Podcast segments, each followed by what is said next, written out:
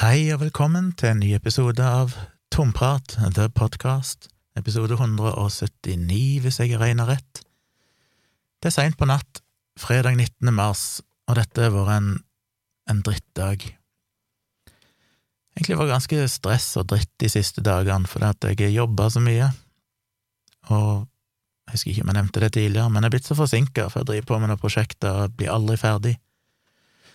Så i går trodde jeg jeg hadde løst et av de store problemene, og det krevde litt sånn eh, jobbing på serveren, så jeg tenkte jeg skulle gjøre det på nattestid. Så jeg ble sittende i natt og venta så lenge jeg kunne, til det var minst mulig sjanse for at det var noe særlig trafikk, og så kjørte jeg ut en oppdatering. Og trodde jeg hadde løst et stort problem. Og det hadde jeg for så vidt, hadde løst mange problem, men jeg hadde innført et nytt selv om jeg hadde testa det grundig, testa det på masse utviklingsservere og verifisert at dette virka, både meg og en kollega av meg. Så i dag har jo dagen gått til å fikse det, og jeg har for så vidt fiksa feilen. Problemet er bare at den har skapt litt problemer som krever mer arbeid å få rydde opp i, som en av forbanna drit. Hater når sånt skjer. Og det skjer veldig sjelden. Jeg har drevet firma i 20 år nå, og så er det en sjelden gang med noen års mellomrom at en liksom fucker det opp sånn at en får masse ekstraarbeid. Og det er jo meg det går utover. Men jeg håper det ordner seg i morgen. Jeg har en plan for hvordan jeg skal klare å få rydde opp i det, sånn stort sett, sånn at jeg håper det ikke blir noe stort, eh, stor katastrofe. Det er mest bare irriterende. Jeg var liksom ferdig i dag, jeg trodde nå var det i orden. Jeg gikk og satte meg i stua med, med Tone og tenkte at nå skal jeg slappe av i kveld, og så gikk det en time, og så fikk jeg en mail at det var noe galt, måtte jeg inn og sjekke, og så oppdaget jeg fuck, her er det jo Dette er ikke bra, det som skjer her. Men jeg skal ikke kjede dere med det. Um, jeg fikk tilsendt en mail som jeg jo setter pris på, på tompratpodkast.gmail.com. Der um, var det en som sendte meg en studie om bullshit, og det er jo gøy. Bullshit er gøy, gøy å forstå bullshit, gøy å forstå psykologien til folk, hva som gjør at folk er jeg mener, jeg blir jo Jeg får jo lyst til å gi opp menneskeheten. Jeg sitter på Facebook, og spesielt når det er sånne debatter som med vaksiner, sånn som det var i det siste. I dag, var det i dag eller i går, så skrev jeg en litt spydig kommentar inne på ei gruppe på Facebook som handler om, eh, om covid-19, altså vitenskapsbasert covid-19-informasjon. Og det var en som sendte en sånn spørsmål, skrev en post der inne med lurte på om eh, angående PCR-testene, og det var kjørte jo de i 40 sykluser i Norge, og det vil jo gi så og så mange falske positive, og det betyr at kanskje alle som liksom er smitta av koronaviruset her i Norge, er falske positive. Og så blir jeg så oppgitt, for det er sånn, du merker det så fort at dette er en fyr som ikke er interessert, dette er ikke en sånn fyr som bare lurer på noe. Dette er jo en sånn fuckface som bare driver og jacker off, altså just asking questions, eller han er sikkert Ja, anyway, jeg svarte noe ganske spydig og bare sa liksom et eller annet med at det er imponerende at du går an å, leve i mars 2021 og fortsatt stille et så spørsmål, og liksom late som om pandemien egentlig bare er en stor fake. Og så etterpå så ga jeg han faktisk, først ga jeg han vel en link til faktisk.no, som har tatt for seg dette flere ganger, og så ga jeg en link til min egen bloggpost om covid-filmen. For der gikk jeg jo òg gjennom dette med PCR-testing ganske nøye og viste hvorfor dette ikke var et stort problem. og at det er generelt sett lite falske positive. Ikke minst fordi at du uavhengig av hva du måtte tro om disse testene falske positive, så er det jo påfallende at når det øker med antall smitta, så øker det òg med antall innlagte på intensivavdelinger, og antall dødsfall øker en stund etterpå. Så det er jo rart, da, hvis det bare var falske positive, hva er det da folk dør? Døyer de av falske positive? Det skrev jeg i bloggposten min, det må være en pandemi av dødsfall etter falske positive. Jeg skjønner ikke helt hvordan vi skal klare å bortforklare at det faktisk er en korrelasjon mellom de positive testene og antall som blir lagt inn, og antall som dør. Og det er jo sånn de påpekte i England, at uh, i forskjellige regioner så er de samme trendene som følger hverandre. At det er jo rart om altså med sykehusinnleggelser og sånn, men trendene med hvor mange som er smitta, følger ikke hverandre, for det varierer litt fra region til region. Og hvis dette med falske positive bare var en faktor av hvor mange du testa, eller bare var liksom Så vil det jo være likt alle plassene. Det vil jo være hvis du tester relativt sett like mange, eller relativt til hvor mange du tester, så vil du få like mange falske positive, eller positive tester. Men sånn er det ikke. I noen områder, selv om de tester like mye, så synker antall positive tester fordi smitten går ned, mens i andre områder så går det opp. Og det henger jo heller ikke på greip hvis det bare var feil i testinga. Da vil du ikke sett de trendene som går opp og ned.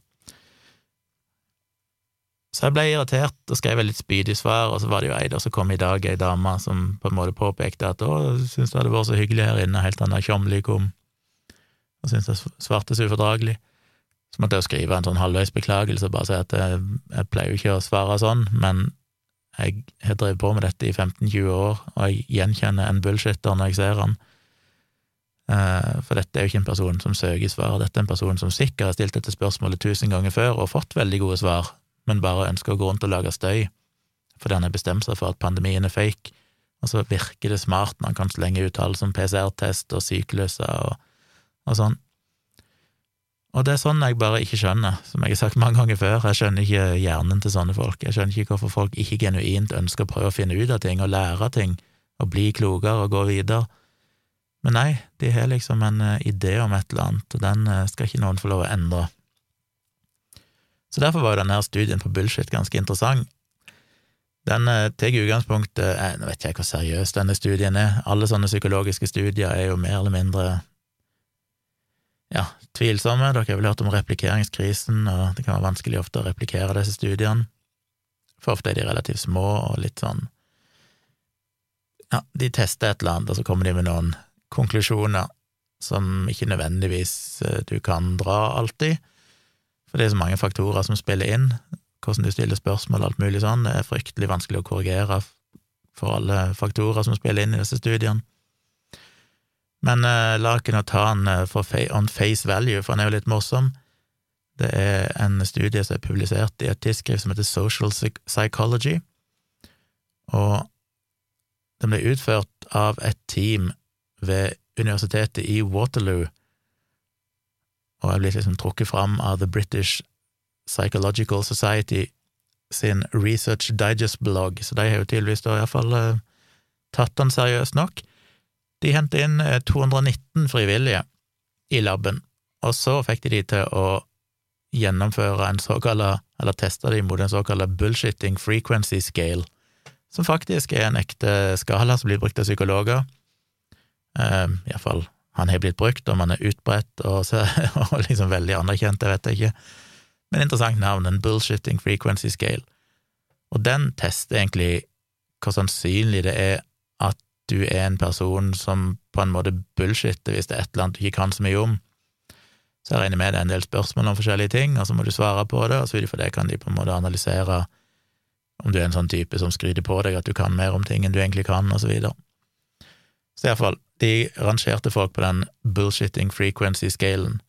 Deretter så skulle de teste hvor mottagelige de var for bullshit, og da gjorde de flere ting. Det ene var at de ga dem noen sånne pseudo-dype sitater, og noen virkelig på en måte genuine uttrykk for klokskap, og så sjekka de om de kunne skille mellom dem. Et sånt eksempel på en sånn pseudo-dyp Eh, dypt sitat var We are in the midst of a high frequency blossoming of interconnectedness that will give us access to the quantum soup itself. Så hvis du rater den som at den virka, den virka gjennomtenkt og seriøs, og det var en dyp innsikt i samfunnet og verden, så scorer den nok høyt på den bullshitting-skalaen, altså hvor utsatt du er for bullshit. I tillegg så tok de en del setninger, noen av de var på en måte fulle av eh, vitenskapelig sjargong, og så tok de andre setninger som var grammatisk korrekte, men som bare inneholdt masse bullshit-ord, bare tulleord som høres vitenskapelig ut, men som ikke var det, og ba de skille mellom dem, og til slutt så skulle de lese noen artikler og på en måte finne ut om de var fake news eller ikke. Og det de fant, var en veldig tydelig sammenheng mellom at de som var veldig flinke til å bullshitte, de som bullshitta mye, var òg mer utsatt for å bli lurt av bullshit, altså ta til seg bullshit. Så ja, hvis du er en bullshitter, så er du sannsynligvis òg lett å bli bullshitter, som strider jo mot det kjente utsagnet you can't bullshit a bullshitter, men det kan du altså, i aller høyeste grad, og kanskje mer enn andre. Men de skiller jo i denne studien mellom to typer bullshitting. Den ene er persuasive og den andre evasive. Så de som har en sånn evasive bullshitting, altså en sånn unnvikende bullshitting, eh, det er folk som på en måte prøver å snakke seg ut av problemet, eller snakke litt rundt grøten for å unngå konflikt og unngå straff eller skyld, og, eller unngå å såre andre mennesker. Mens en persuasive persuasive persuasive persuasive bullshit, altså den mer eh, overbevisende bullshittingen, det er nok den fleste av oss tenker på når vi tenker på bullshit. Det er altså folk som prøver å overbevise eller imponere andre ved å fremstå som smartere enn det de egentlig er. Og det var denne her persuasive bullshittingen de fant at var linka med å være eh, veldig mottagelig for bullshit. Så det de vel konkluderte med, var at high persuasive bullshitters appear to interpret mistake superficial profoundness as a signal of actual profoundness. Mens de som bare var mer sånn evasive bullshitters, de ble ikke så påvirka av det. Så ja, så det de ikke vet, det de skriver på slutten, er at uh, det er umulig å si, det er jo alltid dette her med høna og egget. Er det folk som alltid bare har en veldig sånn som ikke bryr seg noe særlig om sannheten, som gjør at de etter hvert òg blir veldig dårlige kritiske tenkere, eller er det folk som er generelt sett kritisk, dårlige kritiske tenkere, som gjør de mer mottagelige for å bli bullshitta? Så det vet de ikke. Og så var det én ting til jeg ville ha med, hvor det det sto hen? Mm, ja, og de fant vel òg, ikke overraskende nok, at kanskje var det det at eh, For de testa disse folkene òg på intellektuell kapasitet eller intellektuelle evner og kognitive evner, og fant jo at de som var mest mottagelige for bullshit, ikke var så veldig smarte heller. Så kanskje det bare er en funksjon av intelligens, og hvis du er ganske dum, så er du ganske mottagelig for bullshit, og da bruker du òg mer bullshit for å prøve å dekke over at du ikke er så smart. Så det var bullshitting-studien, men da vet dere det, hvis dere ser folk som bullshitter mye, så er de jo kanskje mer utsatt for bullshit, og det er jo en ond sirkel for da svelger de jo mye piss. Det er jo sånne folk som tror at covid-filmen er sann, altså de er veldig høyrøsta i sosiale medier etterpå, for de føler de er så utrolig eksperter på PCR-testing og sånn, etter å ha plukket opp et par fragmenter av noen ord et eller annet her og der, som høres overbevisende ut. Ellers så har jeg jo Jeg driver jo med disse bildene mine og foto, og det er blitt litt lite når jeg ser covid-tidene og vinter og alt dette her. Men det er litt deprimerende, for det, når jeg endelig begynte å få noen betalte oppdrag, så har jeg ikke fått gjort noen av de på grunn av lockdown. Nå har jeg vel totalt egentlig fått fire oppdrag som er på vent. Det ene fikk jeg rett før pandemien brøt ut i fjor, og så ble alt lagt på is, og så vet jeg ikke om det egentlig kommer til å bli noe av den. Eh, men så fikk jeg en i sommer, ja, sensommeren i august, og der hadde vi noen planer, men akkurat idet vi skulle prøve å finne en dato, så begynte Oslo å stenge ned igjen, så da ble det utsatt. Og så ble jeg kontakta av noen, når var det, rett før jul eller etter nyttår eller noe sånt, um, og jeg skulle vel egentlig reise et eller annet sted og ta noen bilder hos en bedrift, og det ble da planlagt å skje i slutten av januar eller sånn, men så ble det jo lockdown i Oslo igjen. Og så har jeg nå fått enda et oppdrag som vi bare planlagt at vi skal gjøre det. Det er i Kristiansand, det er jo å ta bilder hos et firma, en bedrift, ta noen bilder til nettsidene.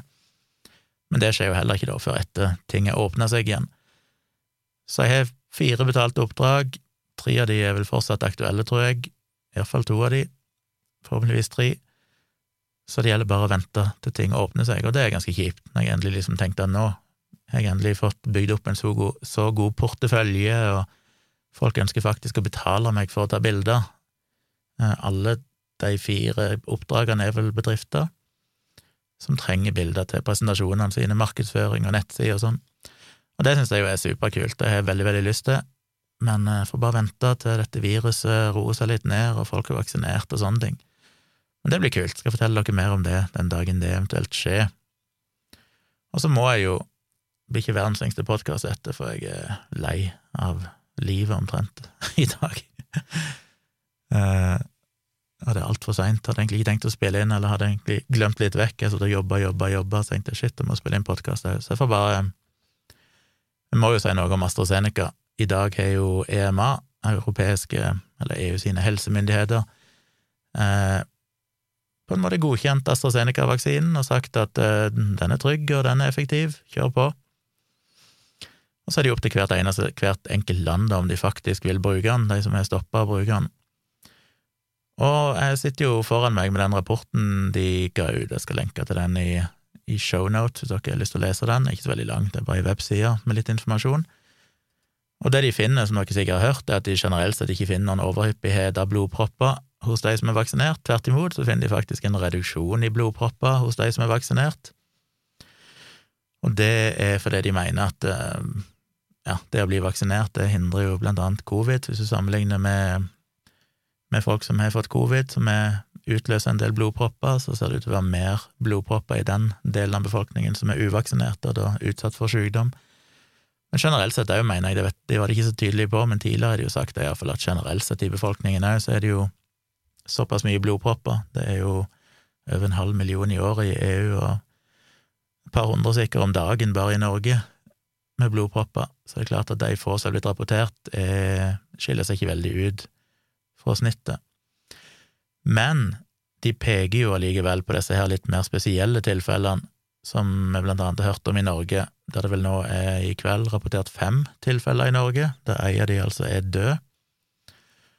Og eh, det har de jo faktisk kalt, vi nevnte vel i en tidligere podkast, og som jeg skrev om i den bloggposten min, om eh, vaksinesikkerhetens trolley problem, så mistenkte jeg at det kunne være en, en tilstand som heter var det TTP eller noe sånt, og så en annen som heter DIC. Men så viste jeg ut til en artikkel som sier at DIC skiller seg en del ifra det som du ser hos disse covid-pasientene, så derfor er det nok ikke det. Men her kaller de det faktisk for DIC. Så de har sett på to tilstander. Den ene er DIC, som er denne tilstanden der du får masse små blodpropper, tror jeg, rundt forbi kroppen, samtidig som du får blødninger og lave blodplater. Og så er det en annen tilstand som heter CVST, som, hvis jeg husker rett, så tror jeg det er den en litt sånn spesiell type blodpropp i hjernen som de har jo sett på. Og det syns jeg er gøy, det er når de ser på dette med bakgrunnsraten, for det er jo det som alltid er interessant, som jeg har prøvd å skrive om i tidligere bloggposter, dette her med at folk kommer jo fortsatt til å få blodpropper og dø og få kreft og få alt mulig rart etter de er vaksinert. Spørsmålet er er det flere som får det etter de er vaksinert, for det tyder jo på at vaksinen kanskje utløser noe. Folk har jo en tendens til å glemme det, så de bare sier oi, får kreft etter vaksinen, da må de ha få kreft av vaksinen, som om folk skulle slutte å få kreft bare fordi de er vaksinert. Så det er jo ikke noe. Men her eh, er det altså DIC, CVST, og det de har sett på, det er jo De har regna, dette er sikkert ganske komplekst, men de har regna på hvor mange vil de ha forventa skulle utvikle disse tilstandene eh, innen en viss tid etter vaksinen. Og da har de sett på unge folk, for det er en del jeg har kritisert her, dette her eh, EMA sin redegjørelse for, det er jo at ja, det er kanskje ikke noe av blodpropper i befolkningen generelt sett, men i disse tilfellene så er det jo en del unge folk som har fått det, og de fleste er jo gamle har de på en måte delt opp i, i de forskjellige aldersgruppene for å se om det er noen overhyppighet hos yngre folk generelt sett, eller spe, mer spesifikt. Og det vet jeg ikke om de har gjort på vanlige blodpropper, men de har gjort det på disse to spesielle tilstandene, og der finner de at hvis vi ser på folk under 50 år, som er det som er litt skummelt her, at det er jo folk under 50 år som har blitt veldig syke, og ett dødsfall. Uh, hun i Danmark hun var jo over 60, så vidt jeg vet, så hun er vel ikke nødvendigvis sett på som et sånn veldig spesielt tilfelle. Men her ser de hvor mange under 50 år ville ha utvikla disse tilstandene innen 14 dager etter et gitt tidspunkt, som i dette tilfellet er å ha fått vaksinen. Og det de har regna ut, er at det er forventa av alle de som er vaksinert i den mengden med mennesker, at det vil være ett tilfelle av DIC, statistisk sett, i snitt. Men det var rapportert inn fem så det er jo en ganske kraftig overhyppighet, at det plutselig er fem tilfeller i Europa, mens det normalt i løpet av 14 dager bare ville vært én. Og så har de sett på CVST, denne her blodproppen i hjernen, og der forventer de 1,35 tilfeller i løpet av 14 dager, men de har vært rapportert inn 12 på det tidspunktet der de gjorde denne analysen, som jeg leste sikkert for noen dager siden. Og det er jo òg en, en dramatisk overhyppighet. De fant ikke noen overhyppighet hos gamle Eh, så det er kun de under 50 de har sett dette hos. Og det er jo det som er interessant, og det er jo det som gjør at denne vaksinen ja, at det kanskje er litt rart at de godkjenner den og sier at no problem here. Det virker kanskje litt rart. Konklusjonen er jo i så fall at denne vaksinen er nok anbefalt for eldre, fordi England har jo gitt 11 millioner doser med AstraZeneca, og de har jo gitt veldig mye til eldre folk. Og det er jo det som skiller seg fra Norge, blant annet, for i Norge har vi jo ikke gitt den til eldre, vi har jo bare gitt den til helsepersonell, som generelt sett er relativt unge, og veldig ofte kvinner, og derfor er det jo òg en overrepresentasjon av kvinner her, uten at de vet om det er noe spesielt med akkurat det. De har heller ikke funnet ut om det har noen korrelasjon med p-pillebruk eller andre medikamenter eller andre tilstander som kan gjøre folk utsatt for dette. Så hva er det vi sitter igjen med da? Vel, vi sitter vel igjen med det som jeg egentlig skrev i bloggposten, at jeg, nå skal jo Folkehelseinstituttet de skal fatte en avgjørelse i slutten av neste uke for å se om de skal begynne å bruke den i Norge igjen. Og hvis så, så har de vel òg kanskje noen tanker om kanskje de bare skal bruke den hos eldre, eller noe sånt. Um, og jeg skrev jo det i den bloggposten min at jeg frykta nok at vi kommer til å miste denne vaksinen, og det Jeg kan vanskelig tenke meg at Norge vil ta denne i bruk igjen. Um, for det er jo en, en Det er nok utvilsomt en eller annen sammenheng med vaksinen her, og det interessante er jo at det er jo i stor grad den samme type bivirkning som en så for svineinfluensavaksinen, altså at immunforsvaret ditt løper løpsk og går til angrep på dine egne celler. Med Pandemrix, denne svineinfluensavaksinen, så gikk han jo til angrep på de her cellene som produserer hypokretin, som er et sånt stoff som regulerer søvn. Mens her har de jo gått til angrep på de røde blodcellene, blant annet, sånn at eh, du får lavt antall med røde blodplate, eller blodplate. Eller er det de røde blodcellene? Kanskje det er bare de der platene? Kanskje jeg blander litt. De fucker iallfall opp blodet ditt, går til angrep på de blodplatene, det er vel mer korrekt, som gjør at eh, Som skal sørge for at blodet ditt levrer seg hvis du kutter deg og sånne ting. Så ja, det er jo tilsvarende greie. Det er altså noen få som får en overreaksjon. Det er ditt eget immunforsvar som går bananas. Og det er jo litt viktig å huske på at det er på en måte ikke et giftig stoff i vaksinen som førte til at du ble forgifta, eller noe sånt. Det er jo vaksinen, ingrediensene i vaksinen er jo ikke, er jo ikke problematiske, mest sannsynlig. Det er jo bare det at vaksinen gjør det han skal gjøre, men hos noen så trigger det en altfor kraftig immunrespons, eller han eh, Du får en immunrespons som ender opp med å gå til angrep på dine egne celler, så du får egentlig en autoimmun reaksjon, som da i dette tilfellet er veldig, veldig alvorlig. Igjen så er det jo få mennesker, og det er fortsatt litt rart at de ikke har rapportert noen sånne tilfeller fra England, der de har vaksinert mest av alle. Men de hadde jo noen tilfeller fra Tyskland, og hadde vel et tilfelle fra India òg, tror jeg de hadde hatt med i analysen sin. og så de har jo sett på, på mye her.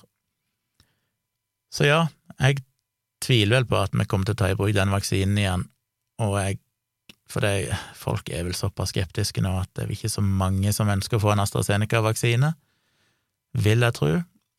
Um, spesielt fordi vi har såpass lågt smittetrykk i Norge at uh, det spørs vel om en kan argumentere med at fordelene oppveier for risikoen akkurat her. Den gjør kanskje det hos eldre folk, for der er jo risikoen mye høyere ved å få covid-19. Men hos yngre folk som generelt sett ikke er så mye konsekvenser av covid-19, så er vel kanskje det en for stor risiko å ta, selv om det er uhyre sjelden. Det er jo fortsatt fem tilfeller i Norge. Det er jo mindre enn én av 20 000 som er fått i Norge, så det er klart Det er jo som å vinne i Lotto, holdt jeg på å si. Men, eh, men ja, Så hva ville jeg med det? Nå måtte jeg tenke litt. Hva er konklusjonen min? Jo, hva det jeg skulle si, det vil jo ikke ha så mye effekter å si i Norge på vaksinasjonsprogrammet, for det er relativt få doser AstraZeneca, så vidt jeg har skjønt, som er på vei, og vi får vel en del større shiploads med de andre vaksinene eh, etter hvert, sånn at det skal ikke ha så veldig mye å si. Så gitt at det har lite å si for hastigheten på vaksinasjon, og det nok er ganske mye skepsis i samfunnet mot den vaksinen, så vil jeg vel anta at Folkehelseinstituttet dropper den. Noe annet ville egentlig overraske meg. Og så er det jo et problem, selvfølgelig, med vaksinemotstandere som, eh, som alltid, sånn som de gjorde med narkolepsi, sier ja, hva var det vi sa? Og svaret er jo dere sa ikke dette. Fordi hvis du ved hver eneste vaksine som dukker opp, kommer og sier at det kommer til å være farlig, og så dikter de opp alt mulig slags teorier som de jo har gjort eh, så langt, med sterile kvinner, og det er ikke måte på. og så dukker det opp en bivirkning som er noe helt annet.